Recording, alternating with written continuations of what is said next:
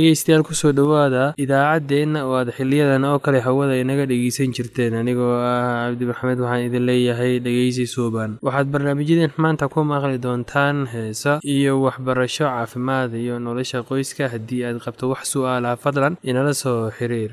Ciwaankeenna waa radio somaly at yahu t com. Mar labaad ciwaankeenna waa radio somaly at yahu dt com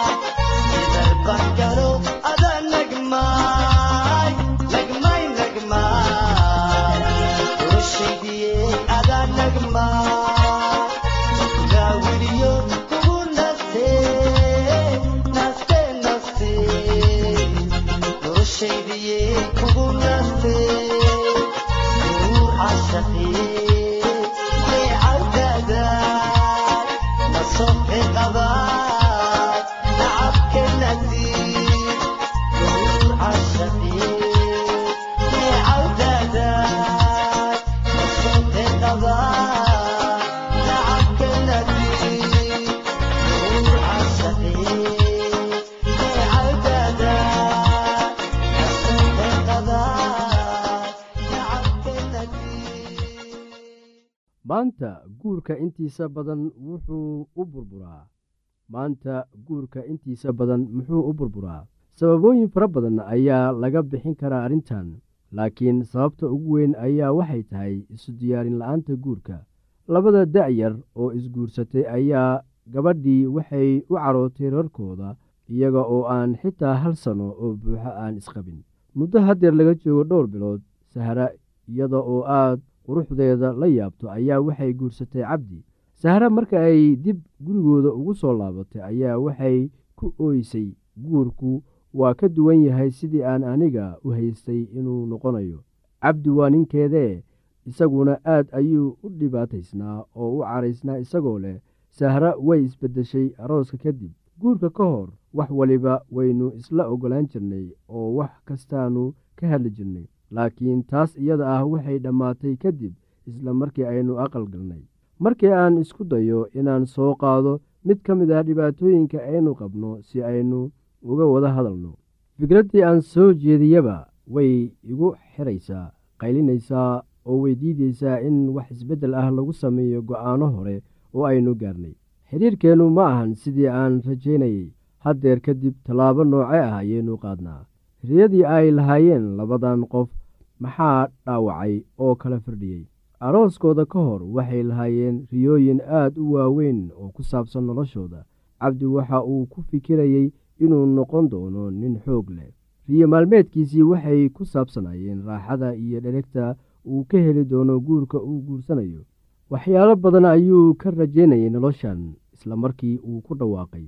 Waan oggolahay in sahre ay noqoto xaaskayga cabdi waxa uu eegayay waalidkiisa. Habkii ay isula dhaqmayeen isla markaasi uu korayey oo uu ku sii socday labaatan sano. Khaasatan waxa uu fiirsaday aabbihiis sida uu hooyadiisa u dhaqaalaynayay. Wuu jeclaa aabbihiisa wuxuuna u arkayey inuu yahay nin fiican oo tusaale noqon kara wuuna jeclaa inuu noqdo sidiisii oo kale. Waxa uu sahre ka filayey inay u dhaqanto sida hooyadiisa oo kale. Haddeer waa uu guursaday wuxuuna jecel yahay inuu buuxiyo shuruudaha ninka laga doonayo sidii uu aabbihiisa ka bartay. Laakiin nasiib daro sahro waa xaaskiisee waxay ku soo kortay xaaladtiisa ka duwan.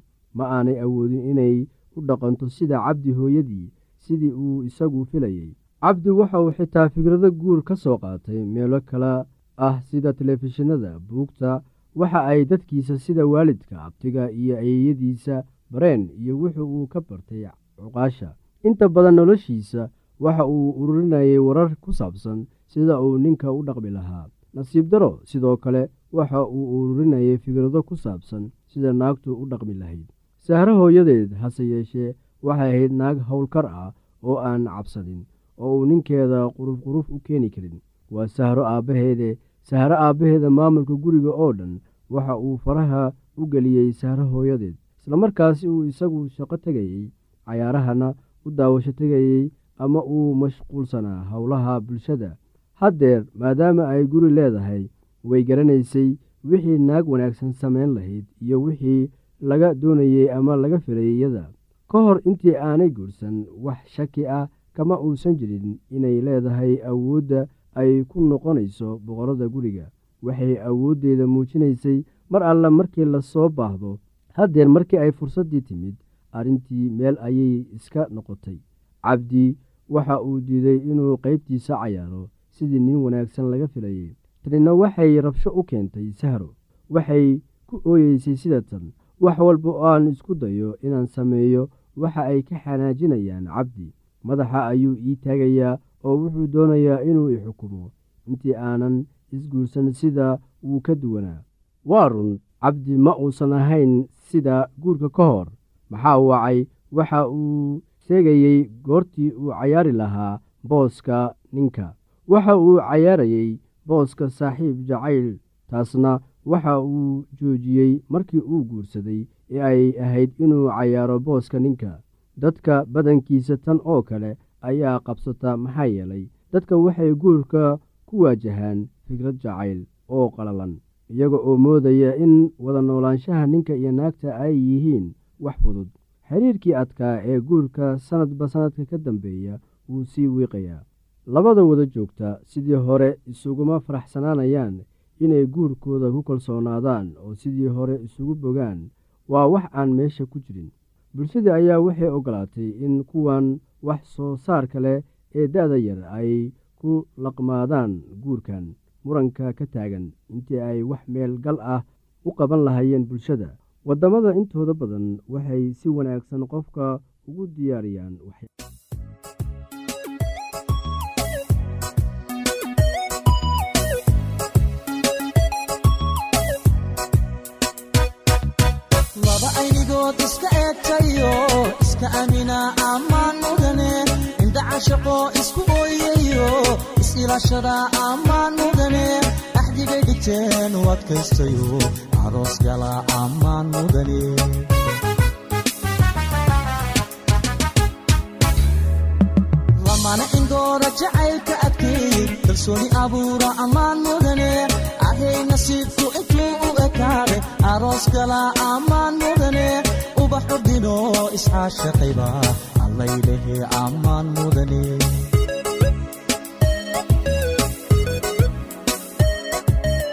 laba aynigood iska eegtayo iska amina ammaan mudane indhacashaqo isku ooyayo is-ilaashada ammaan mudane axdigay dhigteen u adkaystayo aroos gala ammaan mudane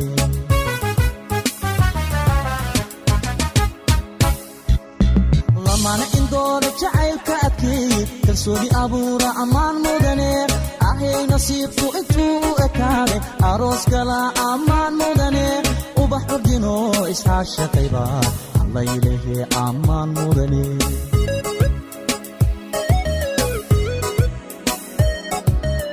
Gayan isdoortaa ehelku taama arooskooda aqal la seesaa dhiga aslan iyo kabad la unka ubax udgoonana lagu daadiya. Allaylehe ammaan waad istaahishaa ubakaylesi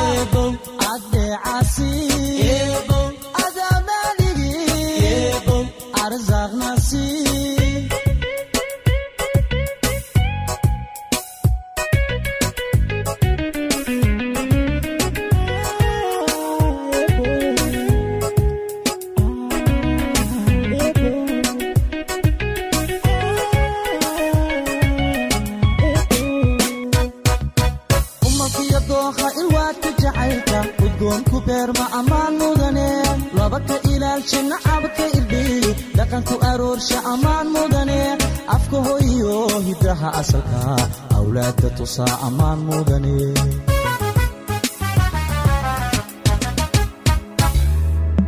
laba aramida imtixaanka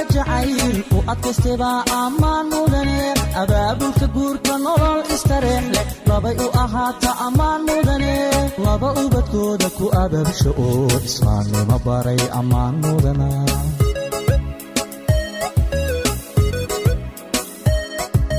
malkiyo dookha udgoonku beerma ammaan mudane. Laba ka ilaalsha nacabka irdhiyi dhaqanku aroorsha ammaan mudane. Afka hoyo hiddaha asalka. Awlaadda tusaa ammaan mudane.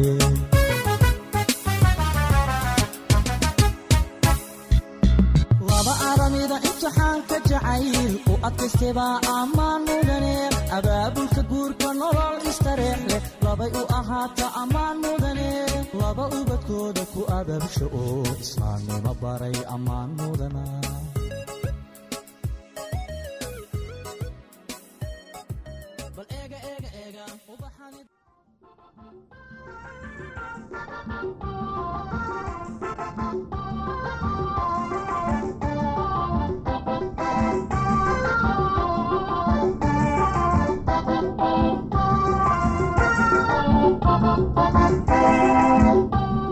dhegeystayaashana qiimaha iyo qadarinta mudanu waxaad ku soo dhowaataan barnaamijkeenii caafimaadka oon kaga hadlayno tusaalaha caafimaadka.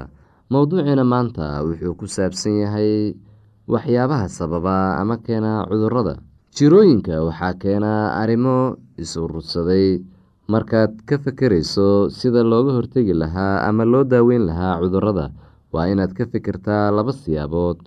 Waa midda koowaad ee cudurrada la isqaadsiiyo iyo cudurrada aan la isqaadsiin cudurrada la isqaadsiiyo waa kuwa ku faafa qof ilaa ka qof.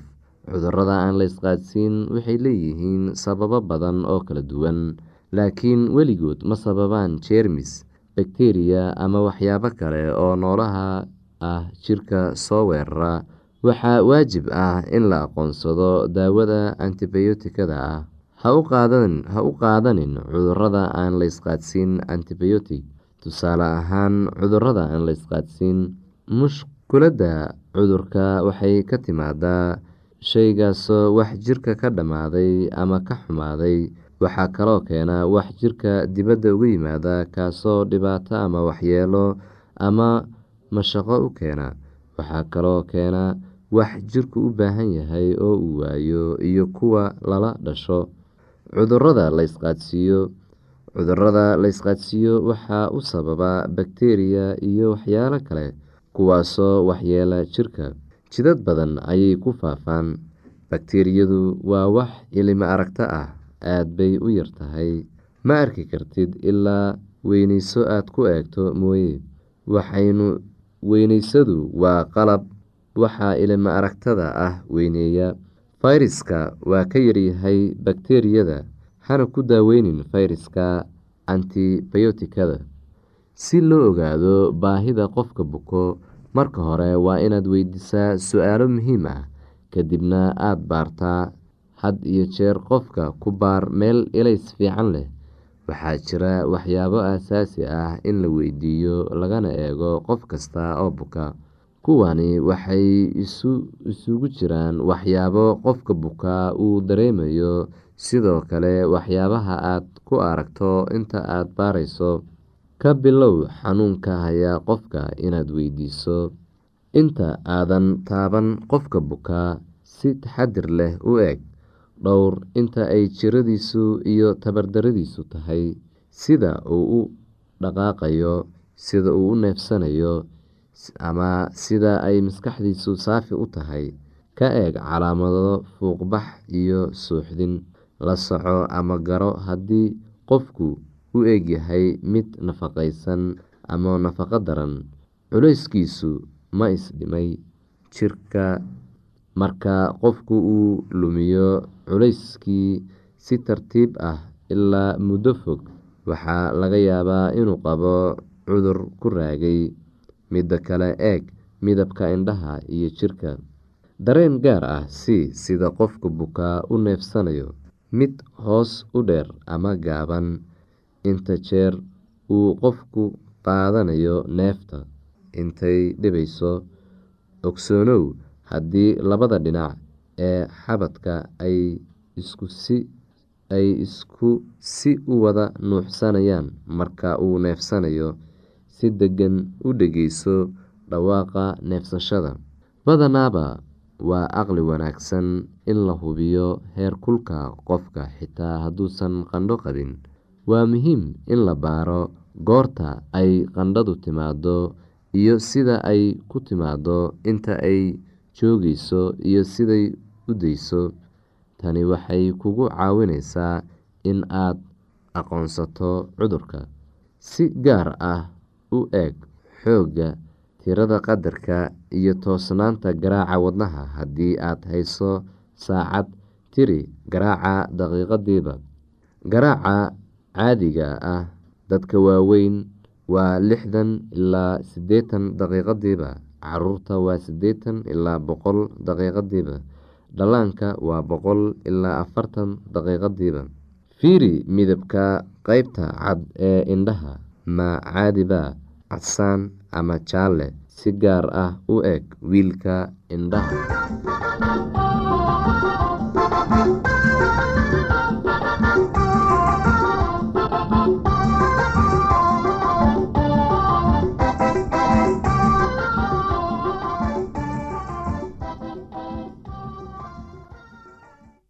haddii aad qabto wax su'aalaha fadlan inala soo xiriir. Ciwaankeenna waa radio somaly at yahu com. Mar labaad ciwaankeenna waa radio somaly at yahu dt com. Barnaamijyadeena maanta waa naga intaas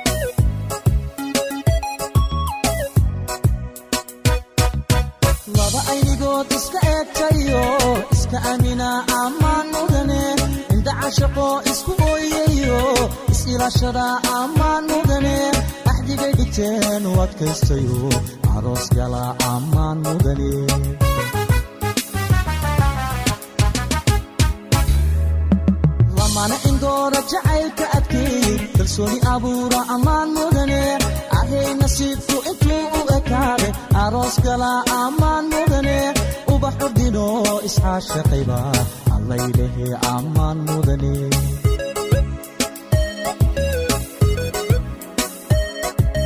Laba aynigood iska eegtayo iska amina ammaan mudane indhaca shaqo isku ooyayo is-ilaashada ammaan mudane axdigay dhigteen u adkaystayo aroos gala ammaan mudane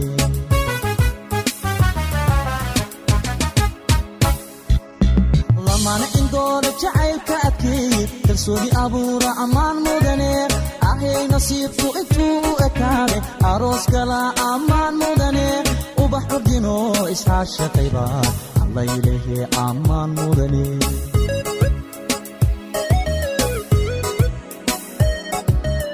gayan isdoortaa ehelku taama arooskooda aqal la seesaa dhiga aslan iyo kabad la unka ubax udgoonana lagu daadiya allaylehe ammaan waad istaahishaa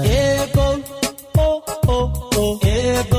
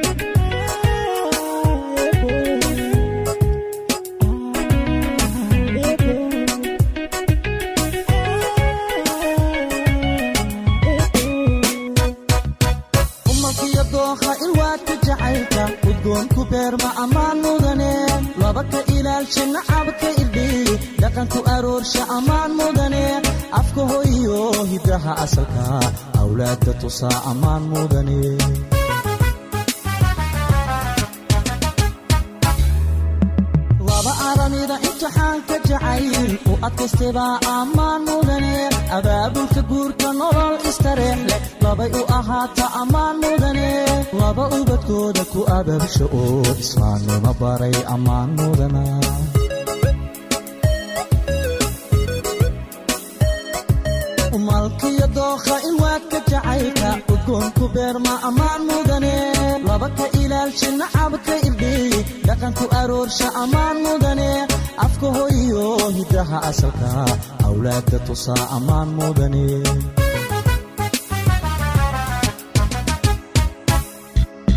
Laba aramida imtixaanka jacayl u adkaystebaa ammaan mudane. Abaabulka guurka labay u ahaata ammaan mudane laba ubadkooda ku ababsha oo islaamnimo baray ammaan mudana.